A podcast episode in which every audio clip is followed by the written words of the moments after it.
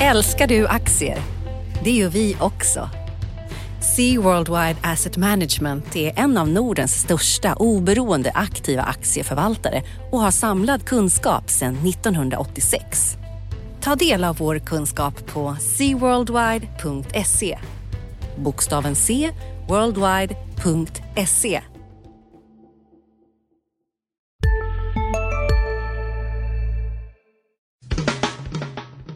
Analyspodden från Dagens Industri. Hej allihopa och välkomna till Dagens Industris analyspodd.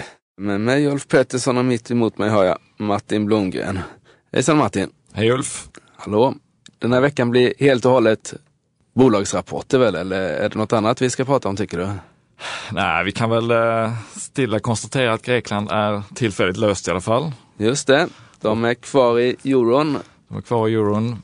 Grexit är uh, ute ur bilden tillfälligt, men det är väl ingen som tror att det är helt löst. Nej, det där kan vi, det där kan vi nog återkomma både till höst, vinter, nästa vår och kanske nästa sommar också. Ja, ja det pratas ju redan om nyval till hösten och uh, det har inte varit någon skuldavskrivning egentligen. Så att, det, det är, nästan, det är, nästan, det som måste till på något sätt. Men vi får väl se. Jag tycker vi ska koncentrera oss på det som har påverkat marknaden mycket här i Stockholm. Det är ju alla rapporter. Idag, fredag, är ju en fantastisk dag. Det ju, hade vi haft en fax på kontoret så hade den liksom gått sönder nu av alla rapporter som kommer. Ja, den hade glödit. Ja. Vad ska, vi, vad ska vi börja med då? Vad tycker du har varit? Det är väl några grejer som vi bör ta upp. Det ena tycker jag är att det är väldigt stora rörelser, både upp och ner på rapporterna. Och sen är det de geografiska eh, utblicks, både utblickarna och hur orderingången har sett ut i industribolagen som som jag tycker är spännande att gå igenom. Bra. Det började egentligen med som vanligt kan man säga SKF då först ut. Men inte riktigt lika bra riktkar som det brukar vara. Kan man säga. Eh, Nej, det är lite frågetecken där. Dels, dels för att de har tagit bort eh, alla de här fina utsiktspilarna per eh, branschområde. De har tagit bort hur de tänker agera med tillverkningen under kommande kvartalet. Och sen var det väldigt stor förvirring kring hur deras outlook för tredje kvartalet, som då var att det skulle bli något lägre efterfrågan, om den var säsongsjusterad eller inte. Mm. Och tredje kvartalet är alltid sämre än det andra, så att är den eh, säsongsjusterad eller inte är frågan då om, om det skulle vara flat egentligen. Om man, mm. Eh, och det, fick man, det var liksom inte så klara svar på det utan det, mm. halva telefonkonferensen gick åt till att uh, reda ut om det var det eller inte. Så. Och kursen föll 8-9 procent där. Ja, och drog ju med sig alla de andra verkstadsbolagen då på onsdagen när, eh, när man befarat eh, att konjunkturen viker neråt igen. Ja, och, och det, det, kan man väl säga, det var väl den skulle väl falla 8-9 procent på den där rapporten med tanke på utsikterna eh, egentligen, eller hur? Ja, men i det börsläget som vi är nu, där börsen har gått upp länge och och verkstadsbolagen har i och för sig haft det tufft under våren här men, men innan dess gått bra. Mm. Så är det ju lätt att man då extrapolerar trenderna. Ser man att det har vänt så ja, då är den här långa börsuppgången över kanske, mm. tänker pessimisterna. Mm. Eh, och sen så när det kommer positiva nyheter som det gjorde från Atlas och Alfa mm. var dagen efter. Så tar man liksom det andra greppet och tänker att aha, men nu vänder det i Europa. Då, mm. då finns det liksom eh, flera kvartals uppgång kvar att ta av. Så att ja. det är verkligen ett, eh, ett, ett eh, läge där det står och väger. Ja.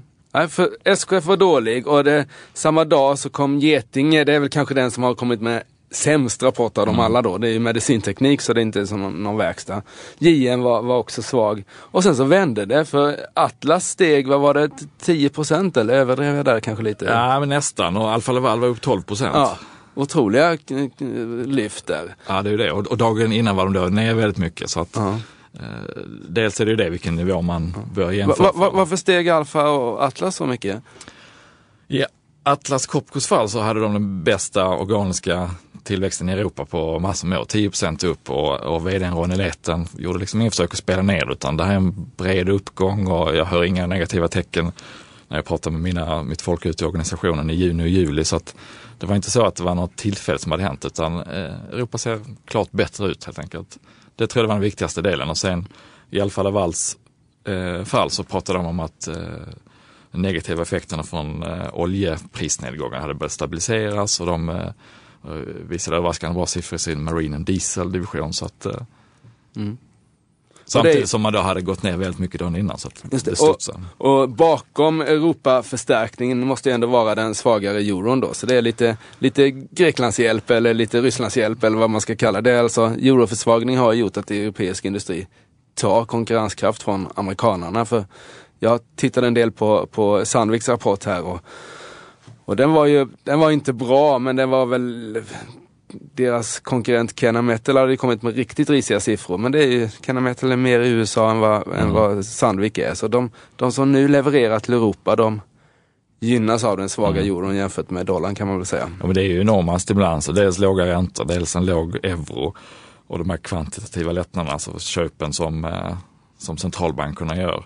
Och sen oljepriset som, som i Europa nästan bara gynnar. I USA så, drabbas de ju av att, att det finns en stor De- energisektor som en- eh, en- tar stryk. Här är det bara positiva effekter nästan. Just det, så kan man säga. Är det något annat som du har tänkt på vad det gäller bolag eller eh, trender i, i rapport? Ja, jag tycker det, är- det här geografiska temat är ganska tydligt den här gången. Att eh, nästan alla ser eh, ljust på Europa, eller lite ljusare i alla fall. Och eh, visserligen är det väl då svaga jämförelsesiffror efter flera års eh, usel utveckling. Men, men ändå tydligt att det ser bättre ut i Europa. USA lite svajigt beroende på om man är oljerelaterat eller inte. Men eh, Kina, där är det också samstämmigt att, att eh, det pekar neråt. Och det är inte bara industribolag, tung industri och gruvor, för det har varit, eh, varit så länge. Volvos anläggningsmaskiner till exempel dyker. Utan även mer konsumtionsrelaterad. Och då har vi ändå inte sett effekterna alls av den här börsoron som har varit i Kina. Eh, för Det är har en, kvartalsskiftet egentligen som det börjar. kvartalsskiftet, så den har vi inte sett då. Där vet väl ingen riktigt hur mycket, hur mycket det där kommer påverka. Men det är klart att spelar man bort alla pengar på börsen då är det inte säkert att man kan vara med och Köpa en tvättmaskin. köpa en tvättmaskin. Så eh, vi får se här. Det är faktiskt, Mm. det är någonting som jag tror kommer, kan vara höstens tema, Kina faktiskt. Jag tror också det. det. Det kom ju första, om jag inte missminner mig, att det var första gången på väldigt, väldigt länge som bilförsäljningen backade i Kina i, i juni. Och eh, jag pratade precis innan vi gick in här med Keith McLaughlin på Electrolux och försökte... Han som inte har någon mustasch längre. Eller är det? Nej, jag, jag har inte sett honom idag, jag har bara hört honom på telefon Okej, och det mm. framgick inte där. Men eh, eh, jag frågade om hans, hur han såg på slutmarknaden i Kina, alltså konsumenterna, inte, inte handlarna då, utan, utan vad, vad slutmarknaden är. Och eh, det ser svagt ut där också på, på konsumtionen, ner 6 Mm. i vitvarumarknaden. Det är ju det är klart att allt är ju relativt och vår, vår kollega Mittelman har skrivit någon gång att det är fortfarande 7 tillväxt och sådär och det är ju fantastiskt då men, men riktningen av den senaste tidens händelseutveckling här är inte rolig eh, och det tror jag kineserna själva också. Eh, Den kinesiska regeringen har ju försökt stödköpa aktier här eh, åtminstone verbalt så, så de är nog lite oroade de också för att kursfallen kan slå på den reala ekonomin, det tror jag ju. Ja, det blir väldigt intressant på så här medellång sikt. På lång sikt så är det ju en jätteurbanisering och det finns megatrender som, som är bra naturligtvis. Det, Men, det är det. På, på lång sikt är det så, men på lång, lång sikt, eh, om man ska använda något eh, Orwell stod här, så är det väl inte så roligt. För jag menar den här eh, befolkningen i Kina kommer inte öka så som den har gjort här. Det är inte många år bort innan de har en minskande befolkning, så då får vi väl se. Men då är det Afrika som gäller istället. Men visst, de har mycket att göra för att nå upp till vår levnadsstandard och det kommer gynna dem. Men osäkert får man väl ändå säga. Ja, Kina är ett tema som, eh, alltså det har ju varit stort men det är, det är lite i bakgrunden när det är industribolag, när man inte känner det, sådana produkter som man, som man själv använder. Men, men de börjar synas tydligare i bilförsäljning, vitvaror, liksom mer, mer lyxbetonade prylar kanske. Då, då, eh, då stämmer det inte riktigt in med den här bilden av att Kina går från investeringar till konsumtion. För det, det skiftet har man ju köpt, det har ju alla vetat om. Ja. Men om även konsumtionen dyker så, så finns det många bolag som, eh, som kan ta stryk i värdering av det. Absolut, absolut. Eh, är det något annat bolag? Du pratade om Elux här. Eh, det har ju varit en stor grej om de ska byta VD och hur det går med den här eh, General Electric-affären. Såg vi några nyheter där eller fanns det? Har någon? Nej, egentligen inte. Eh, De hoppas och tror att det ska kunna vara löst eh, innan årsskiftet. De fick ju eh, backning av justitiedepartementet på försöket att köpa General Electrics vitvaror. Och nu blir det då en rättsprocess men Keith, vdn, hoppas att det ska kunna vara löst innan årsskiftet och de tror och hoppas naturligtvis att, att de ska få köpa det här bolaget. Um, annars, det de jobbar mycket med nu är ju USA-marknaden där de har haft problem med uppstart av nya fabriker och gjorde förlust i första kvartalet. Eh, andra kvartalets resultat blev bättre än väntat. Mycket till följd av USA. Men eh, det var inte bara vitvaror utan det har tydligen varit en värmebölja då i delar av USA som gjort att eh, luftkonditioneringsutrustning har sålt väldigt bra. Mm. Så att lite dopat ska man väl inte säga men men det var kanske inget som, eh, som låg i analytikernas förväntningar riktigt. Nej, för när man har pratat väder i USA, det här basåret har det varit den otroligt kalla vintern som har gällt. Men mm. det är tydligen den otroligt varma sommaren som gäller istället. Man får komplettera sina ekonomistudier med lite meteorologi här mm. kanske för att pricka rätt i framtiden. Är det andra bolag som du har satt tänderna i? Ja, det har jag gjort. Jag har tittat på Sandvik som eh, inte riktigt CSRD. Ännu en förkortning som väcker känslor hos företagare. Men lugn, våra rådgivare här på PWC har koll på det som din verksamhet berörs av. Från hållbarhetslösningar och nya regelverk till affärsutveckling och ansvarsfulla AI-strategier. Välkommen till PWC. Hej, Synoptik här. Visste du att solens UV-strålar kan vara skadliga och åldra dina ögon i förtid? Kom in till oss så hjälper vi dig att hitta rätt solglasögon som skyddar dina ögon. Välkommen till Synoptik. Följde upp Atlas fina orderingångsökning då. De ökade i och för sig orderingången men den är helt och hållet valutadopad. Tar man bort mm. den svaga kronan så backade orderingången då som är liksom måttet för framtiden med 4 men Eftersom kronan har gjort 11 så det blev det netto 7 då. Så det, men det är valuta och det kommer fortsätta, tror tro Olof Faxandi, jag pratade med honom här i morse, att, att valuta kommer fortsätta gynna Sandvik. Men annars var det ganska återhållsamt sådär. Bilindustrin i Västeuropa eh, går fortsatt bra men det är inte de här ökningstakterna som vi har sett tidigare. Flygindustrin var väl det som man ville ville highlighta som någonting bra då. Men mm, tungt i mining, Brasilien är jättetufft då mm. med mining. Uh, det är väl det som jag har tittat på. Jag har tittat på eh, lite tidigare Getinge, kanske den sämsta rapporten av de större i alla fall det här kvartalet. Eh, riktigt risigt. Den nya vdn Alex Myers har, har att göra där. Eh, och marknaden förväntar sig nya planer och nya mål och sånt där den 2 september när de har kapitalmarknadsdag. JM. Eh, ja, de fick också en smäll på rapporten. JM ja. Mm. Ja, det fick de. Det har ju bostadsmarknaden är ju i Stockholm så de har ju liksom strukturellt har de ju varit helt rätt hela tiden och den har ju gått bra sådär. Men, men nu har man ju byggt de bästa områdena här och de är liksom så, så att marginalen har då i sin eh, Stockholmsverksamhet har på något år gått från plus 24 procent till, till 18 procents rörelsemarginal. En ganska stor skillnad. Och det gör ju att, och det är att man inte kan ta ut lika, lika höga priser ju längre bort från stadshuset man kommer höll jag på att säga. Och det där märker vi lite grann. De har, det är, det är ingen kris så, men det är klart att det är alltid, det är alltid riktningen som bestämmer aktiekursen lite grann. Att, att du har tjänat väldigt, väldigt mycket pengar, det har du redan fått betalt för för en gång i tiden. Utan mm. ska aktiekurserna fortsätta upp så ska vinsterna öka och det gjorde det inte i JMs fall. Så det, mm. det är lite, lite vänteläge eller till och med kanske lite säljläge i, i JM här en stund framöver. Jag tittade på Eniro då som vi och alla andra skriver väldigt mycket om i förhållande till dess storlek. Nu är alltså Eniro det här gamla, eller ja, det är inte så gammalt kanske, men eh, nummerbyrån och allt det där, annonsbolaget. Eh, det har ett börsvärde på 300-400 miljoner.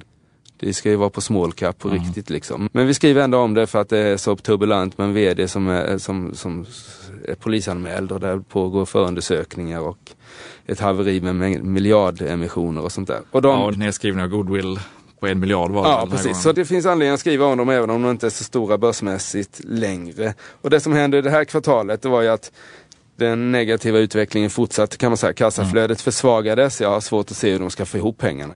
Ska jag ha någon riktkurs på stamaktien så är det väl noll, noll öre egentligen på den. Mm. Jag tror inte de klarar det här. Eh, alltså... Nej, man kan inte frikoppla sådana här stora händelser från verksamheten heller. Alltså kunderna ser ju också vad som händer och läser kunderna om det. påverkas och, och, Ja, det är inte bra. Jag vet inte hur man ska lösa det här egentligen. För det är klart att när vi skriver och andra skriver och man hör, det är klart att det påverkar folket som anställt på Eniro och det påverkar dess kunder och det är inte bra för varumärket. Även om deras söktjänst är bra, till och med har vunnit priser och sånt där, så, så påverkar det ändå. Det är ett jättetufft jobb de har att göra där. Eh, eh Lars-Johan Janheim är bland annat styrelseordförande. Nu fick han ju det ännu tuffare då för den som räddade dem i våras då vid emissionerna här, det var ju Staffan Persson, den här finansmannen som blev miljardär på ja, Han lämnar styrelsen nu då? Han lämnar då styrelsen på dagen egentligen. Av personliga skäl och sånt där brukar man inte då få gräva i. Men jag har förstått så, så han har väl liksom, ja, han vill inte vara med längre. Men han säljer inga aktier och det tror jag inte han kommer göra heller. För det är inga pengar längre i hans portfölj. Det är 25 miljoner, det är kanske ett par procent av vad han har investerat i, andra bolag. Så det är ingenting. Men han lämnar och det är inte bra. Om det skulle visa sig att det behövs nya pengar här om något år eller kortare tid än så, så kanske inte han är med lika mycket som han var i våras då. Och det är ett, ett osäkert moment och någonting som ska pressa aktiekursen, vilket det också gjorde. Annars så, eh, ja det är väl det. Volvo kommer med en dålig rapport med vår man i, i, i, i lastbilsbranschen här i Göteborg idag. Så Anders får- Hägerstrand har vi skickat till västkusten. Ja. Just det, så hans initierade åsikter om lastbilar får man väl, eh, får vi, tar vi ett senare tillfälle i podden Ja. kanske. Men det, utan att ha lusläst rapporten så såg jag en intressant kommentar från tillfälliga vdn då, John Grander, att eh, apropå eh, ordergången i USA, att, att lastbilscykeln där kan ha toppat. Ja. Men att det skulle eh, inte bli någon dramatisk nedgång.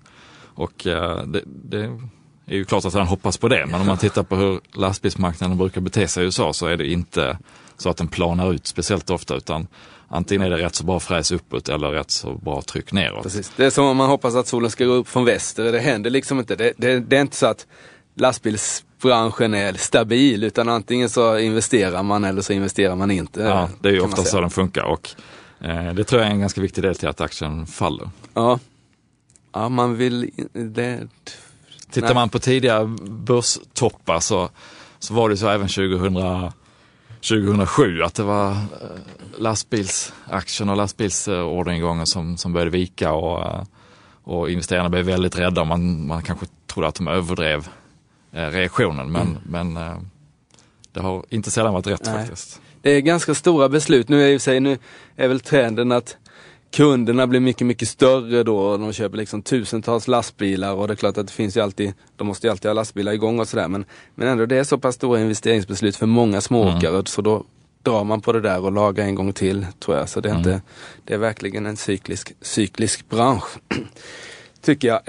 Eh, bra. Eh, Ska vi se, det, mycket har ju kommit här redan men det finns väl lite kvar inför nästa vecka också för folk som, som inte ska ha semester utan försöka tjäna pengar på börsen. Ja, det blir lite tunna flöde men det är ju många av uh, Kinnevikbolagen, ja just det. Stenbeckbolagen. Kinnevik som är, är äh, ska man säga, äh, ägarbolaget då naturligtvis. Men Just det. MTG och Tele2 kommer till exempel. Ja, Trelleborg har vi. Trelleborg. Apple, amerikanskt storbolag. Ja just det, vad är det de gör nu igen? Eh, telefoner. annat. Just det, okej.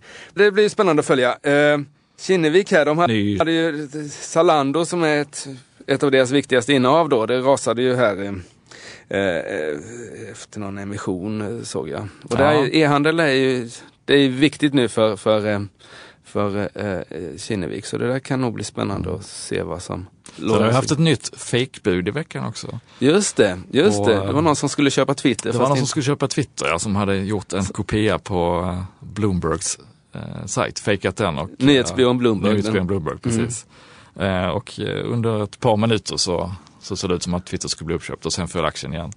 Eh, det är lite intressant för det är inte första gången. Det var, I våras var det Avon, eh, kosmetikabolag som är konkurrent till Oriflame och de flesta minns väl eh, Fingerprint häromåret. Just det. Där det också var fejkat. Det är lite olika tillvägagångssätt men, det, men det är ju det är mycket gemensamt. Det, de är ju de är upplagda så pass dåligt så att man kommer att upptäcka det inom 10-15 minuter. Ja. Och ofta makuleras affärerna. Så man, jag tycker ändå det mesta talar för att det är någon, något pojkstreck deluxe snarare än att det är någon som tjänar pengar på själva Ja, det är, svårt, det är svårt att liksom få in de där pengarna. Även om du har köpt aktierna så brukar Ja. makuleringen göra att du inte får... Ja. Nej, det är spännande. Jag vet inte vad man ska säga till det. Det var ju tur att inte Fingerprint blev uppköpta. För så som aktierna har gått sista året så, så hade det hade nog varit, jag vet inte Ja. vem de sa skulle köpa det. Var Samsung. Det Samsung. De hade gjort världens bästa affär om, om Ja. det här fejkade budet hade varit ett riktigt bud. eh, För den har ju gått 300-400 procent bara Ja. i år. Ehm, bra. Eh, som sagt var, ska, du, ska vi summera det vi har sett hittills under rapportperioden? Mm, det tycker jag. Det som sticker ut är att Europa eh, faktiskt ser bättre ut än man kunde befara. Mm. USA, lite svajigt beroende på vilken sektor man är i. Kina, dåligt, inte bara i industri utan även i konsumtion nu. Mm. Eh, och att det är väldigt stora rörelser, vilket jag skulle säga tyder på att, att man är i ett vägskäl. Ett brytningsläge eh, och det är inte så roligt med tanke på att vi kommer från en period av stigande kurser. Ska det brytas nu så ska det väl knappast brytas ännu mer uppåt utan kanske neråt i så fall. Nej, det, det är ju ganska höga värderingar. Plockar man bort bankerna som är, har låga p-tal så är det ju ganska höga förväntningar. Vi närmar oss nästan 20 eller? Ja, och det, det, är kanske, det kanske mer speglar det låga ränteläget än förväntningar på vinsttillväxt. Ja. Mm. Så att det är klart, kommer det, kan man säga att Europa verkligen bidrar med tillväxt, då finns det väl ett ben till uppåt. Men, ja. Eh, men då kommer ju räntehöjningarna komma, man kan inte få det ena utan det andra. Nej. Ja, det har vi inte pratat så mycket om att Janet Yellen var ute i veckan och pratade om att hon skulle höja räntan för första gången på, vad är det, fem sex år här i, i slutet ja, av året. Ja. Det får vi ta i nästa podd känner jag. Det gör vi. Bra Martin, tack så mycket. Tack själv. Tack alla där ute. Återgå till hängmattan om den inte är för blöt och så hörs vi nästa vecka igen. Det gör vi. Tack, hej. Analyspodden från Dagens Industri. Programmet redigerades av Umami Produktion. Ansvarig utgivare Peter Fellman.